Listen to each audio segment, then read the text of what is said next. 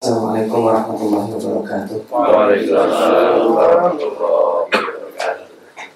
بسم الله الرحمن الرحيم الحمد لله الحمد لله الذي أنزل علينا القرآن وفضلنا على سائر خلقه بتعليم العلم والبيان اللهم صل وسلم وبارك على سيد الأنام سيدنا ومولانا محمد صلى الله عليه وسلم wa ala alihi wa ashabihi ajma'in. Bapak-bapak dan ibu-ibu yang dimuliakan Allah, kita bersyukur kepada Allah hingga pagi hari ini Allah memberikan kesempatan kepada kita, memberikan nafas baru kepada kita pada saat Allah bersumpah dengan wasubhi idza tanafas Allah memberikan harapan-harapan supaya kita dapat memperbaiki apa yang telah kita lakukan. Mudah-mudahan harapan Allah tersebut memberikan semangat bagi kita sekalian untuk meniti hari-hari kita dengan istiqomah. Allahumma Kita insya Allah akan melanjutkan halaqah kita pada pagi hari ini. Uh, halaqah yang kedua dari surat Ali Imran. Setelah pada pekan yang lalu kita membahas uh, bagaimana Allah taala memiliki sifat yang maha perkasa sekaligus digabungkan dengan sifat kekuasaannya. Kita diciptakan Allah dengan bentuk yang sebaik-baiknya di dalam rahim ibu kita dan menjelaskan tentang ayat muhkamat dan mutasyabih. Lalu kita tutup dengan doa yang harusnya sering kita baca. Rabbana la tuzigh qulubana ba'da idh hadaitana wa hab lana min antal wahhab dan satu doa lagi doa keyakinan kita bahwa Allah nanti akan mengumpulkan kita. Rabbana innaka jami'un nasi liyaumin la raiba fi innallaha la yukhliful mi'ad. Bahwa jika kita yakin Allah tidak akan mengingkari janjinya, maka inilah yang ada dalam surat Al-Lail wa saddaqabil husna. Kita meyakini dan membenarkan adanya hari pembahasan terutama pembahasan bagi kebaikan yang kita lakukan tidak sia-sia. Nah, pada kesempatan kali ini sebaliknya yang terjadi, Allah akan memberikan gambaran dan mendeskripsikan nasib-nasib yang dialami oleh orang-orang yang kafir. Insya Allah pada kelima satu ini kita akan membahas surat Ali Imran 5, 6 ayat dari ayat ke-10 sampai ayat ke-15. A'udzu billahi minasyaitonir rajim. Innal ladzina kafaru lan 'anhum amwaluhum wala auladuhum minallahi syai'a wa ulaika hum waqudun Sesungguhnya orang-orang yang kafir terhadap Allah lan 'anhum amwaluhum wala auladuhum Sebenarnya kata-kata sampai di situ sudah cukup bahwa kekayaan dan anak-anak mereka itu tidak bisa menyelamatkan mereka. Dan tughniya anhum amwaluhum wala auladuhum minallah. Sampai di situ juga sebenarnya sudah cukup. Tapi ditambah syai'a. Jadi sedikit pun penekanan kata-kata syai'a, kekayaan orang-orang yang kafir itu ataupun relasi mereka dengan anak-anak mereka yang sudah kuat, sudah menjadi orang, itu tidak bermanfaat. Ya, di sini ada yang yang disembunyikan tidak bermanfaat apa? Syai'an di sini maksudnya adalah dari siksa Allah sedikit pun. Meskipun seandainya mereka disiksa misalkan kalau ini kan selama lamanya ya, kalau dihitung dari anak pertama itu seandainya bisa memberikan keringanan satu hari itu memungkinkan. Tapi ini tidak mungkin. Jangankan satu hari, satu detik pun tidak bisa mengurangi siksaan Allah. Jadi tidak ada kalau di di Indonesia kita misalkan tidak usah jadi anaknya jenderal atau anaknya menteri, nah, kenalannya saja atau dibawa kita kenal sama jenderal uh, A, kita mau ngurus SIM, nah, itu dijamin lancar. Ada pengaruhnya kalau di dunia. Tetapi di akhirat itu tidak berpengaruh. Ini amwal, punya kekayaan yang banyak, bisa membeli pulau. Kemudian aulad, punya anak-anak yang banyak. Anak-anak itu hubungan yang paling terdekat. Anak-anak itu e, hubungan yang bisa membanggakan. Anak-anak itu ketika seseorang berkumpul dengan temannya, terutama ibu-ibu e, dan bagi orang Arab khususnya kalau di sini beda karena hukumnya ya. uh, hukum adatnya berbeda, mereka akan membanggakan anak-anak laki mereka. Tapi aulad di sini bukan hanya anak-anak laki-laki, anak-anak perempuan juga. Nah, kalau kita berkumpul sering kita tidak sadar menceritakan, oh anak saya sekarang di sini, oh anak saya sekarang sudah bekerja di sini. Itu kebanggaan yang dimiliki oleh orang tuanya. Tetapi nanti itu tidak berguna. Orang-orang yang kafir itu tidak memiliki akses kepada anak mereka. Jika anak mereka adalah orang beriman, maka itu tidak bermanfaat. Apalagi anak mereka orang sama-sama kafir. Jadi seandainya orang-orang itu memiliki anak-anak yang baik, seandainya uh, mereka seperti katakanlah Khalid bin Walid, Al Walid bin Mughirah itu Eh, kita sebagaimana tahu adalah musuh besar dakwah Rasulullah SAW memiliki anak-anak yang dibanggakan. Tetapi dalam bahasa kita dia kualat. Anak-anaknya justru membela membela lagi dari Rasulullah SAW yang paling dikenal adalah Ammar dan Khalid.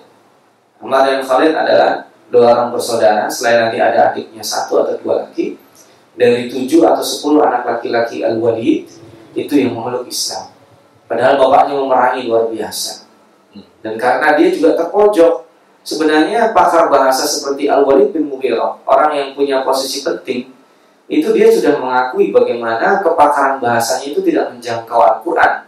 Tetapi lingkungan pergaulannya dengan Abu Jahal, Abu Lahab, itu membuat posisi dia tidak bisa mengelak dan tentunya ini karena hidayah dari Allah SWT tidak sampai kepada beliau.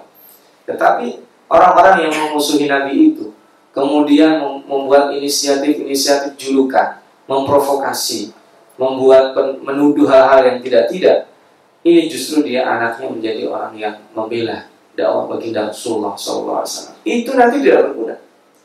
Anaknya yang baik itu tidak bisa memberikan syafaat kepada dia.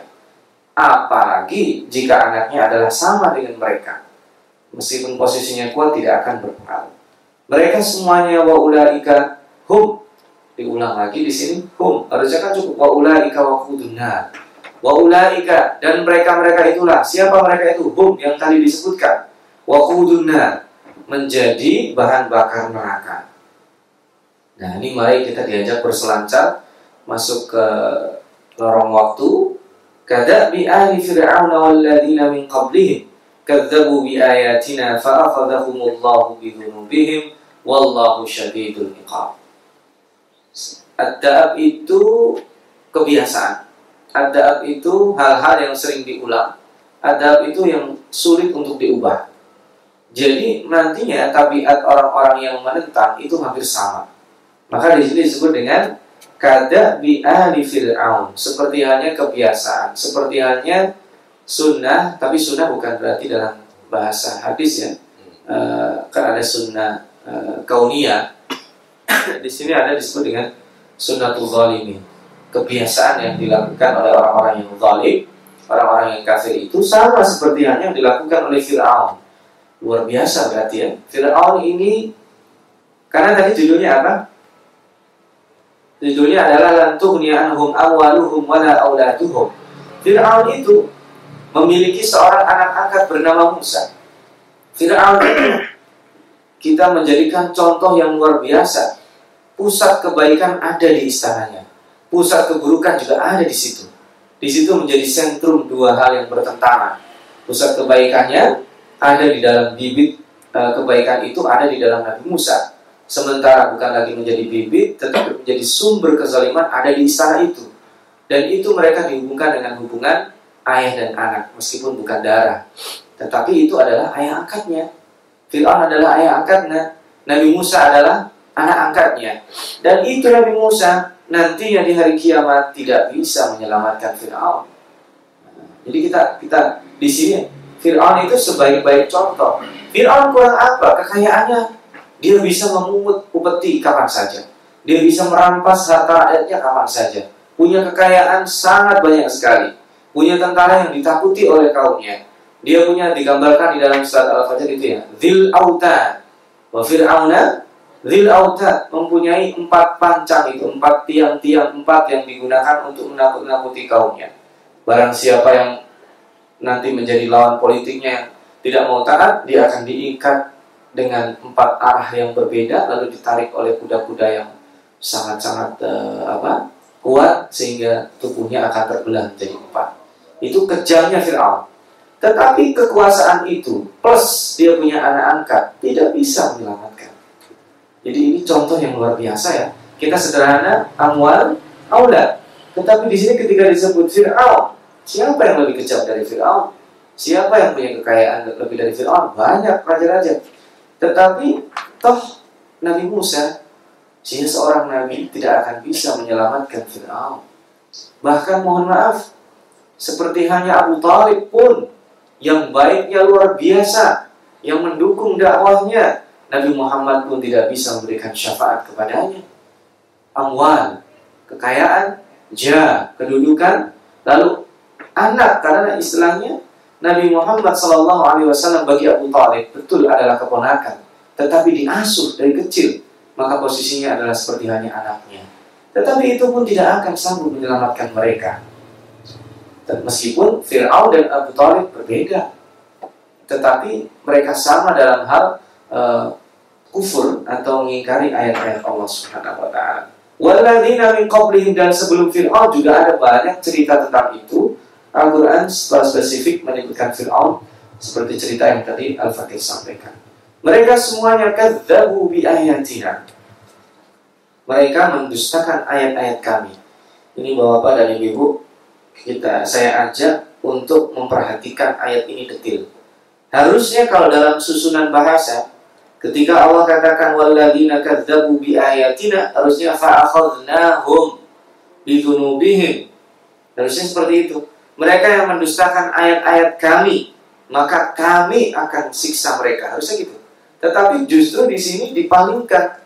Kadzabu bi ayatina. Mereka mendustakan ayat-ayat kami. Di sini ti nah nah nah di situ artinya kami ya. Fa'akhadhahumullah.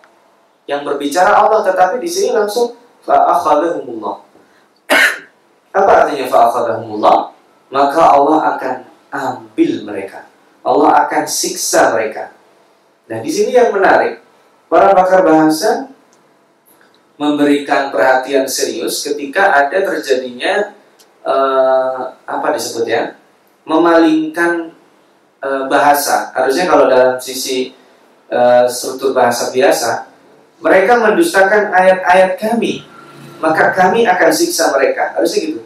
Atau sebaliknya mereka mendustakan ayat-ayat Allah kadzabu bi ayatillah harusnya gitu ya. Fa'akhadhahum bidzunubihim ada dua pilihan bahasanya. Tapi di sini dua-duanya dipakai. Yang satu menggunakan kata ganti pertama, kadzabu bi ayatina, ayat-ayat kami, fa'akhadahumullah. Di sini untuk menghadirkan sosok Allah Subhanahu wa taala zat yang luar biasa sisaannya yang tadi digambarkan lan tughniya anhum amwaluhum wala auladuhum minallahi syai'an. Jadi ingin menggambarkan haibahnya. Karena kalau kadzabu bi ayatina kami face to face itu kalau untuk kekejaman uh, kurang biasanya. Biasanya kalau untuk jenis kekejaman itu kalau orang mendengar itu lebih dahsyat. Eh, siksaannya si misalkan kesadisannya raja A itu lebih berat dibanding ketika kita berhadapan langsung dengan si A, rajanya bilang kamu akan saya siksa. Itu efeknya uh, kalah jauh ketika kekejamannya itu diceritakan oleh orang lain. Nah, bukan berarti di sini Allah kejam, bukan. Tapi siksaan Allah, fa'akhadahumullahu bidzunubihim wallahu syadidul iqab. Nah, di sini kan nggak lucu misalkan aku tuh siksaannya tidak bisa ditandingi, itu nggak bisa. E, dalam segi bahasa itu pencitraan yang seperti ini, e, pencitraan negatif itu tidak mungkin orang melakukan dengan diri sendiri. Pencitraan negatif positif pun e, biasanya memerlukan orang lain. Dalam bahasa manusia sekali lagi ini pendekatannya pendekatan manusia bukan pendekatan bahasa Allah. Bahasa Allah tidak memerlukan ini semua. Allah tetap syadidul iqab Allah ghafurur rahim. Kemarin kita baca azizun dzuntiqam dzuntiqamnya ada tetapi didahului dengan aziz nah izan sehingga Allah tidak pernah sekaligus untuk melampiaskannya itu ada kepuasan dia membalaskan orang-orang yang terzalimi maka di sini kata-kata wallahu syadidul iqab itu efek dahsyatnya sudah didahului fa'akhadhahumullah.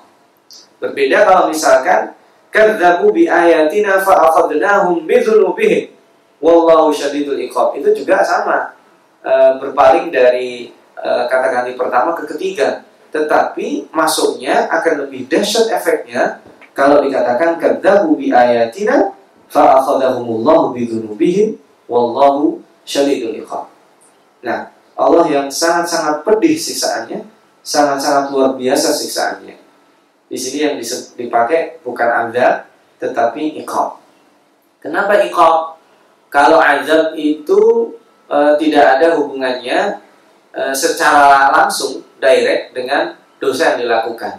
Tetapi Allah menyebutkan dzunub lalu menyebutkan iqab. Iqab itu e, hubungannya dengan balasan.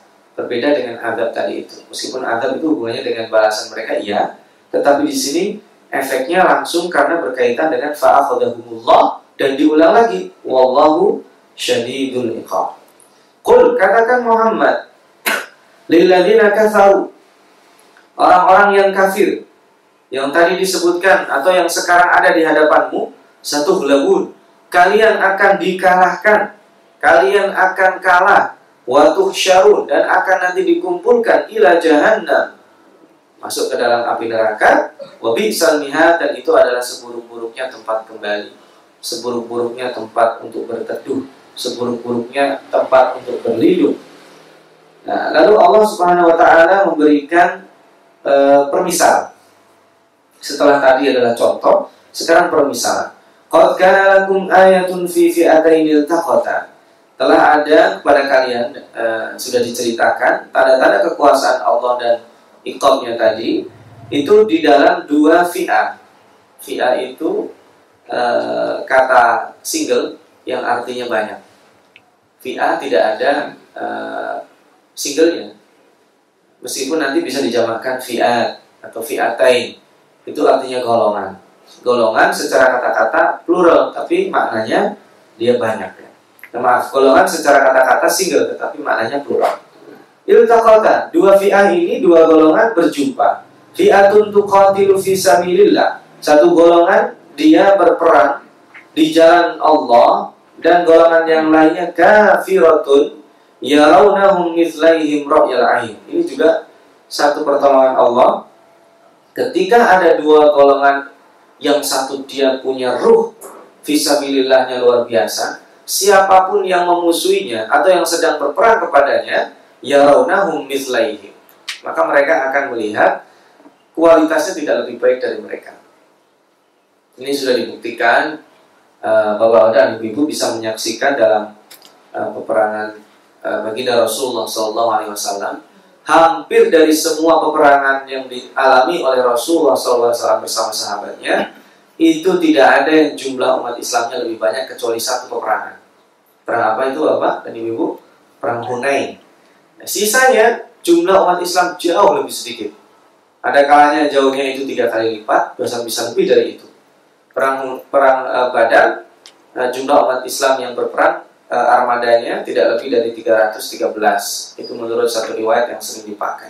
Sementara pasukan kafir Quraisy itu angkanya melebihi angka seribu, seribu sekian. Itu kan artinya tiga kali lipat lebih, ya kan?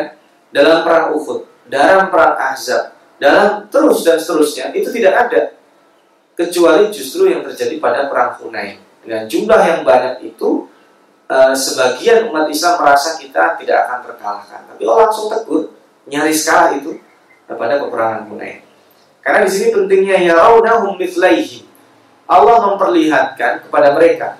Ya raunahum mereka melihat musuh-musuh mereka mithlaihim ra'yal ain. Terlihat sama dan mungkin bisa jadi lebih uh, lebih uh, sedikit. Wallahu yu'ayyidu binasrihi man yasha. Itulah pertolongan Allah kepada orang-orang yang uh, diinginkannya. Inna fi dzalika la'ibratan liulil absar. Dan itu terdapat tanda-tanda kekuasaan atau ibrah, pelajaran yang bisa diambil bagi orang-orang yang uh, memiliki penalaran yang baik. Meskipun di sini ulil absar, al absar di sini bukan hanya penglihatan, tapi bisa bisa, menerawang, bisa membaca, melihat uh, makna atau ibroh yang uh, dia ambil dari peristiwa tersebut. Ini sampai di sini selesai cerita tentang kekufuran dan orang-orang yang uh, mengingkari ayat-ayat Allah. kita berpindah kepada ayat lainnya berkaitan dengan uh, tabiat manusia. Zuyyina lin-nasi hubbu syahawati minan nisa'i wal banina wal qanatiril muqantar من الذهب والفضة والخيل المسومة والأنعام والحرث ذلك متاع الحياة الدنيا والله عنده حسن Ini kalau kita detilkan satu ayat ini kita bisa bahas satu harian. Karena ini diri kita. Zuyyina linnasi hubbus syahawati minan nisa. Ayat ini meskipun untuk laki-laki dan tidak berlaku sebaliknya, dan kenapa yang dibahas di sini laki-laki dulu itu ceritanya panjang. Singkatnya seperti ini. Kata-kata zuhina itu artinya manusia dilahirkan dengan dengan tabiat normal ini. Dan tabiat normal ini meskipun nanti ada hal-hal yang menyebabkan dia tidak normal, eh, nanti ada berkaitan orang laki-laki yang gak suka perempuan, nah yang dia suka sama laki-laki, akhirnya tidak termasuk di dalam ayat ini. Zuyyina linnasi hubbus syahawatu minan nisa ini aja dulu panjang. Bahwa manusia, tentunya laki-laki, itu di dalam tabiat dirinya e, terdapat kecintaan atau di sini bahasanya secara eksplisit syahwat minan nisa. Tapi begitu kita membaca syahwat minan nisa, mohon maaf jangan dibayangkan syahwat dalam artian yang tidak-tidak ya. Atau dalam artian kalau sudah kita berhubungan suami istri itu larinya selalu ke sana bukan asyahawatu minan nisa itu seperti hanya hubbiba ilayya nisa. Jadi kecintaan uh, baginda Rasulullah SAW kepada perempuan itu tidak ditafsirkan dengan syahwat ini. Syahwat ini di antaranya adalah satu hal yang pokok bahwa nanti manusia secara biologis dia harus menikah dengan perempuan. Itu pokoknya. Dan nantinya tidak ada seseorang dianjurkan menikah dengan bukan tidak dianjurkan malah dibenci dilanggar. Laki-laki dia merasa suci akhirnya oh saya tidak mencintai perempuan nah, tapi akhirnya dia justru malah menyukai laki-laki nah itu pasti secara sosial pun dia akan tersudutkan nah makna zuyina di sini arti efek dahsyatnya itu dia lahir membawa itu normal jadi nantinya dalam pendidikan kalau dalam bahasa sekarang pendidikan seksual kepada anak-anak harus kita lakukan secara dini pertama yang kita lakukan adalah membedakan jenis kelamin. Anak dari sejak kecil harus kita tahu, kita kasih tahu bahwa kamu perempuan, kamu laki-laki. Perempuan seperti ini, laki-laki seperti ini. Nanti dia beranjak anak-anak, kita kasih tahu konsekuensinya. Lalu kemudian terus, bahkan harus dipisahkan tempat tidurnya dari orang tuanya. Bahkan nanti ketika mereka kita diberikan uh, laki anak yang berbeda jenis kelamin, mereka juga tidak diperbolehkan, dianjurkan untuk dipisahkan uh, kamar ini kan juga sekaligus menyuruh kita supaya kita mapan secara ekonomi, secara eksplisit ya. Nah, kembali ke ayat ini, hubbus syahawatu minan nisa bagi seorang laki-laki dalam hal pokok, ini sekali lagi jangan disalahpahami bahwa syahwat ini selalu ke sana. Ini ada makna hobi di situ, e, mencintai perempuan itu tidak perlu masalah syahwat. Syahwat yang disebut di sini ada kecondongan duniawi. Makanya bagi seorang laki-laki nantinya dalam memberikan uh, sugesti amal pun Allah menyediakan bidadari-bidadari. Ini ada kaitannya dengan ayat ini. Dari sejak pertama dibahas, nanti ada kaitannya dengan kenapa laki-laki perlu diberikan support nanti dia dijanjikan bidadari. Bidadari yang uh, lam yatmishunna insun walajan yang tidak pernah disentuh oleh jin dan uh, manusia. Bidadari yang khusus diciptakan untuk dia. Jadi satu orang uh, diberikan bidadari yang khusus untuk dia, melayani hanya dia saja, sekarang sedang menanti dia. Nah itu karena manusia, terutama yang laki-laki, kecintaan terhadap perempuan itu berbeda sebaliknya. Perempuan mencintai laki-laki itu bukan hubus syahwatu minarijal, nggak ada.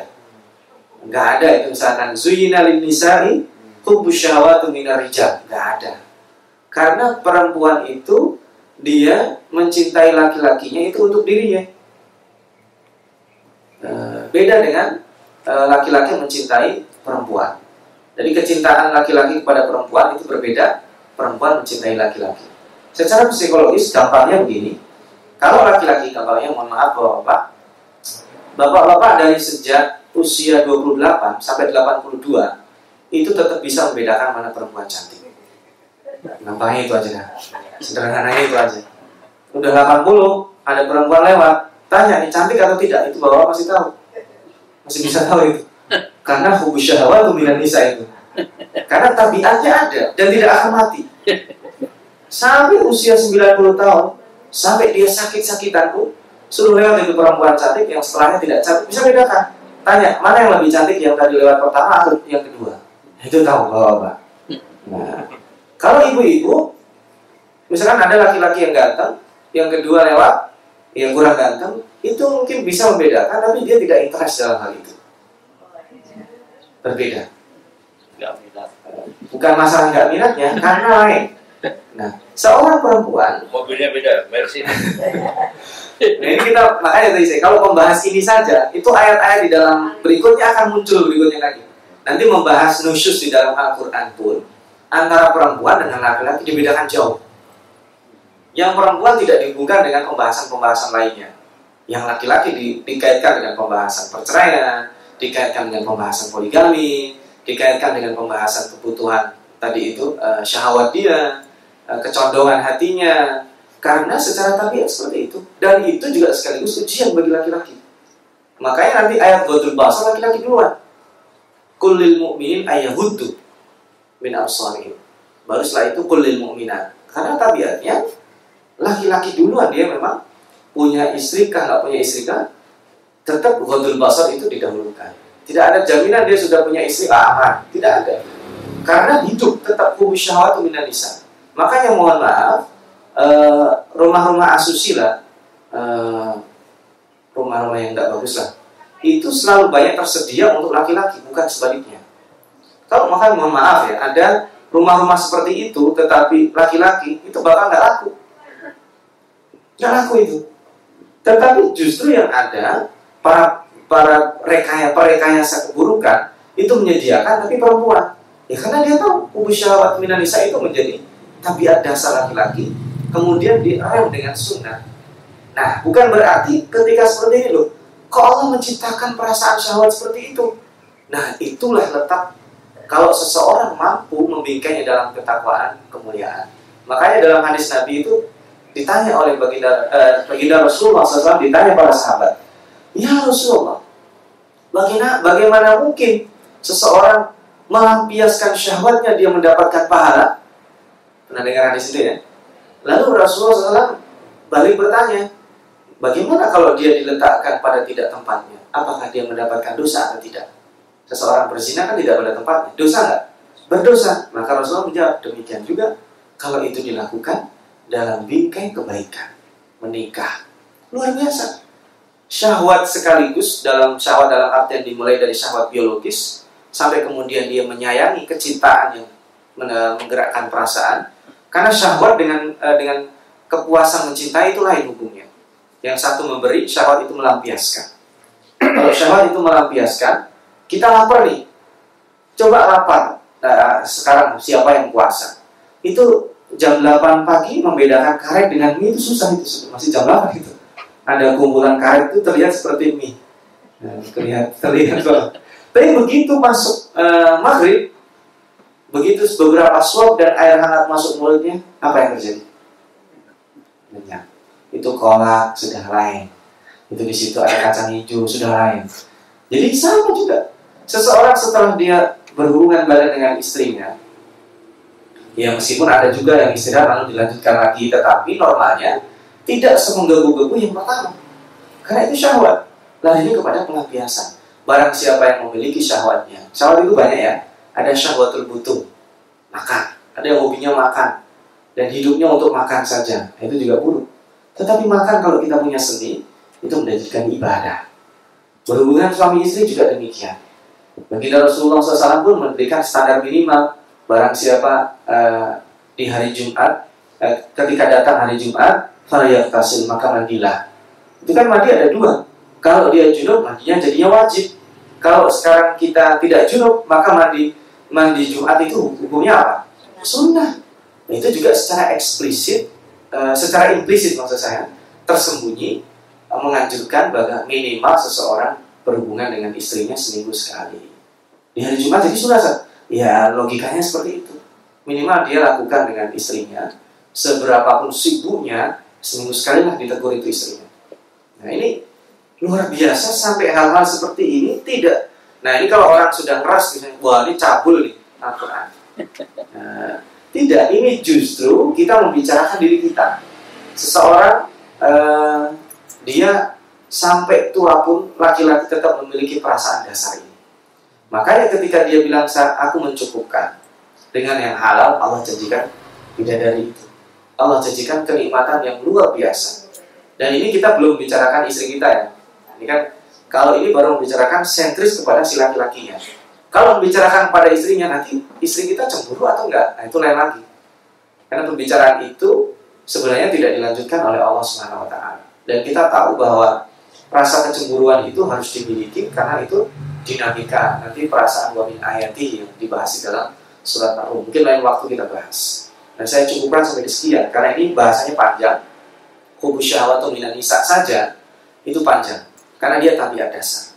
Tabiat dasar kedua yang paling utama itu ya e, laki-laki dia memerlukan atau mencintai e, perempuan itu kebutuhan dasar.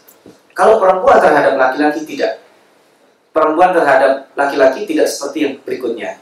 Yang diperlukan perempuan itu albani. Jadi ini turunan ya. Kalau laki-laki dan perempuan setelah dia menikah, yang dia perlukan apa? Anak. Betul ya? Orang yang diberikan anak. Dan nanti apalagi mohon maaf sebagian ada yang mendapatkan anak setelah sekian tahun itu ketika hadirnya anak luar biasa. Dan itu yang dirasakan oleh Nabi Ibrahim alaihissalam. Makanya nanti Nabi Ibrahim dicobanya apa? Anaknya suruh sembeli itu juga dalam rangka ujian zuhina di sini. Mampu nggak itu dikalahkan?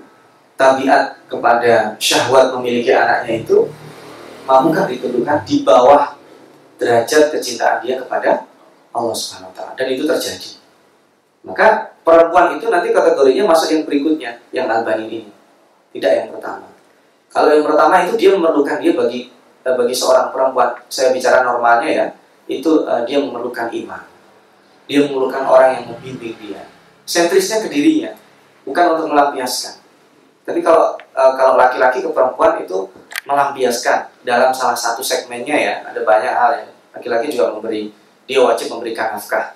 Kalau perempuan dia nggak ngapa-ngapain, nggak apa-apa. Tapi laki-laki tidak memberikan nafkah dengan sengaja, beda dengan dia berusaha tapi tidak mampu, itu dosa. Bahkan hukumnya menikah jadi haram. Gitu. Kalau dia mampu memberikan eh, nafkah, berusaha, itu sudah menunaikan kewajibannya. Albani di sini menjadi kebanggaan. Setelah punya anak, tabiat dasar manusia yang ketiga apa? Kekayaan wal qanatiril muqantar dijelaskan lebih spesifik lagi. Minat zahabi wal fiddah. Nah ini utama ya. Kok tidak didahulukan misalkan wal khailil musawwamati wal an'ami wal harf? Karena tabiat utamanya memang prakteknya kayak gitu. Orang lebih menyukai punya emas punya perhiasan. Karena itu yang terlihat kebanggaan.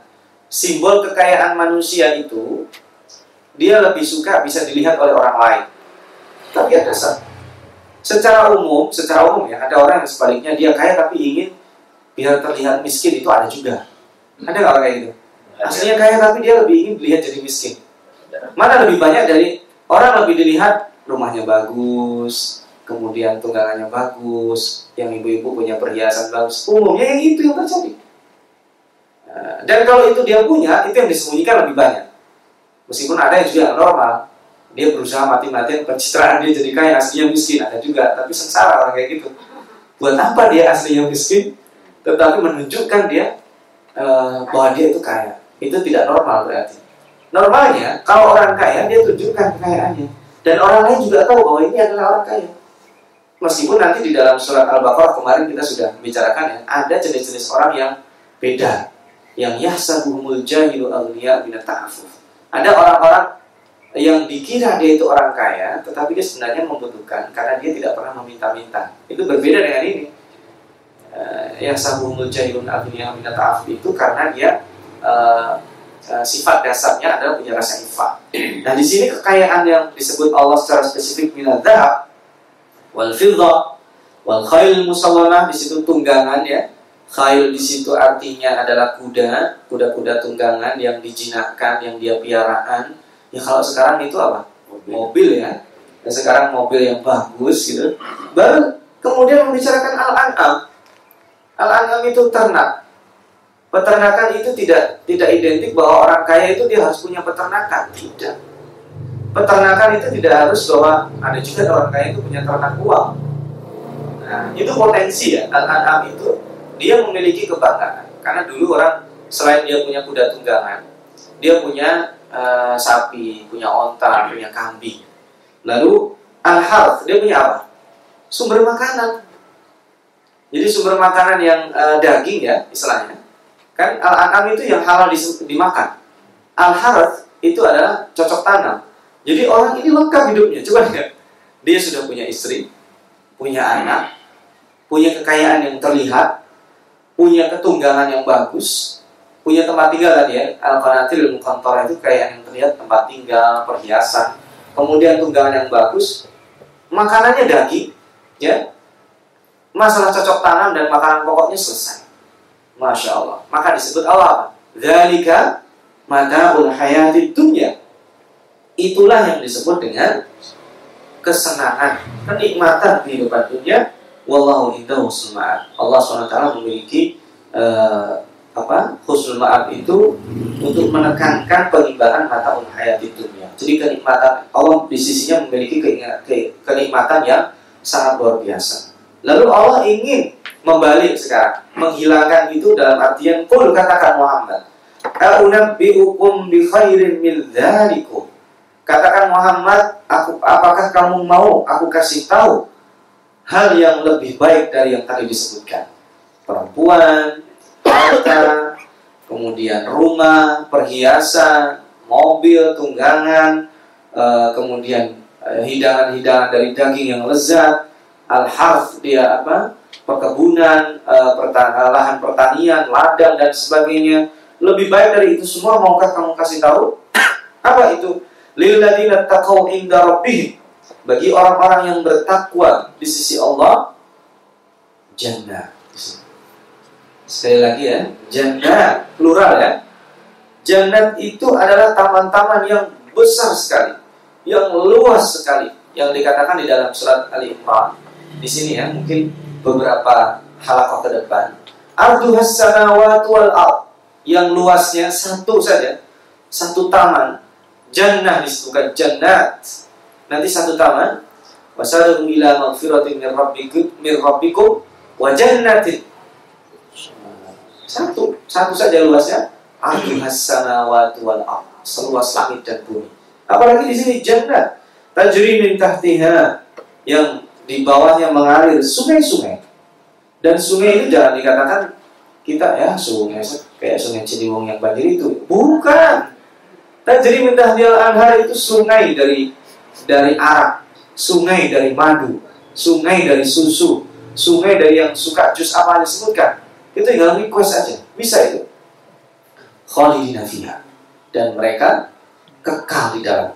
Nah, sebagai timbalannya coba tadi khubus syahwatu minan nisa di sini apa wa azwajun mutahhar nah di sini baru azwaj bukan nisa di sini azwaj itu berlaku dengan untuk perempuan juga wa azwajun mutahhar kalau bagi perempuan tentunya karena dia tidak memiliki sifat dasar seperti itu dia tidak disediakan bidadara-bidadara dan tidak ada istilah itu dia akan disediakan dikumpulkan bersama suaminya kalau suaminya sama kualitasnya atau berdekatan dengan dia. Atau bahkan seandainya bagaimana dengan perempuan yang menikah lebih dari sekali? Menikah, meninggal, menikah, meninggal atau bercerai hidup. Nanti Allah memberikan kebijaksanaan sendiri. Dia bisa memilih atau dipilihkan yang terbaik di antara. Atau bahkan perempuan yang belum sempat menikah di dunia. Atau dia menikah ternyata suaminya tidak ada yang baik. Kemudian bercerai menikah bercerai lagi ternyata suaminya nggak bagus bercerai lagi menikah. Maka Allah akan sediakan azwajun mutahharah. Meskipun azwajun mutahharah ini awalnya adalah untuk laki-laki yang memiliki sifat dasar tadi di atas tetapi untuk perempuan dia akan dikumpulkan uh, bersama suaminya. Yang yang dia cintai kalau dia melebih, uh, punya lebih dari satu maka yang, Allah akan memilihkan yang sesuai dengannya waridwanun minallah dan ini yang paling luar biasa adalah ridwan Ridwan itu bentuk uh, uh, mubalaghahnya atau penekanan daripada ridho. Ridho itu adalah kepuasan dalam bahasa yang gampangnya. Ridho itu lebih tinggi daripada sekedar seseorang mendapatkan kenikmatan. Seseorang mendapatkan kenikmatan, puas ketika menikmatinya, itu disebut dengan ridho. Maka Allah sering katakan radhiyallahu anhum wa radu'an. Ketika kita memesan sesuatu, tolong buatkan aku meja makan kepada tukang kayu pada saat terjadi serah terima. Nah, ini dia yang aku inginkan. Lalu kita berikan upah yang bukan sesuai lagi karena kita puas kita berikan upah yang luar biasa. Dua-duanya ridho. Itu disebut dengan radhiyallahu anhum wa radu'an. Ini sekedar misalnya saja. Wallahu basirun bil ibad. Allah maha melihat kepada hamba-hambanya yang di, yang dibekali sifat dasar yang tadi disebut. Hubus syahwatu minan nisa bagi orang yang uh, mempunyai syahwat kepada perempuan, dia akan punya koridor bahwa saya uh, ada rambu-rambu dari Allah untuk mencukupkan dengan yang halal saja. Yang anak juga demikian. Ini adalah amanah dari Allah, apalagi sebagian uh, diberikan setelah menunggu sekian tahun. Kemudian kekayaan ini juga yang memberikan Allah. Maka kekayaan itu ada hak bagi orang lain di dalam kekayaan kita. Tunggangan juga demikian disyukuri. Kemudian setelah itu ada daging. Makanya ada ada sekarang kita sebentar lagi kurban. Maka itu ada kaitannya juga dengan ini. Sekaligus itu untuk membuktikan kita keluarkan dan itu yang disebut di dalam uh, agama kita ada fardu kifayah. Nah ini disebut sunnah kifayah. sunnah yang dianjurkan Eh, satu keluarga minimalnya satu. Kalau ada, oh saya maunya bukan satu kambing, saya, istri saya, anak saya tiga kambing boleh nggak? Oh sangat boleh. Atau satu sapi, semuanya atas nama keluarga saya. Nah, keluarganya cuma lima tapi dia nyumbang satu sapi, kan bisa tujuh orang, ya nggak apa-apa. Karena di situ ada uh, berbagi dan memberi sekaligus tadi untuk ujian cinta kita kepada Allah SWT yang digambarkan dalam surat Al-Quran la yanallahu luhumuha walakin Allah tidak perlu dagingnya, tidak perlu darahnya, tetapi walakin yanaluhu taqwa minkum. Tapi ketakwaan yang diperlukan Allah. Mudah-mudahan kita dijadikan Allah sebagai ayat ke-15 ini lilladzina taqaw. Orang-orang yang bertakwa kepada Allah diberikan bahasa melebihi dari sifat dasar yang tadi Allah bekalkan kepada setiap manusia.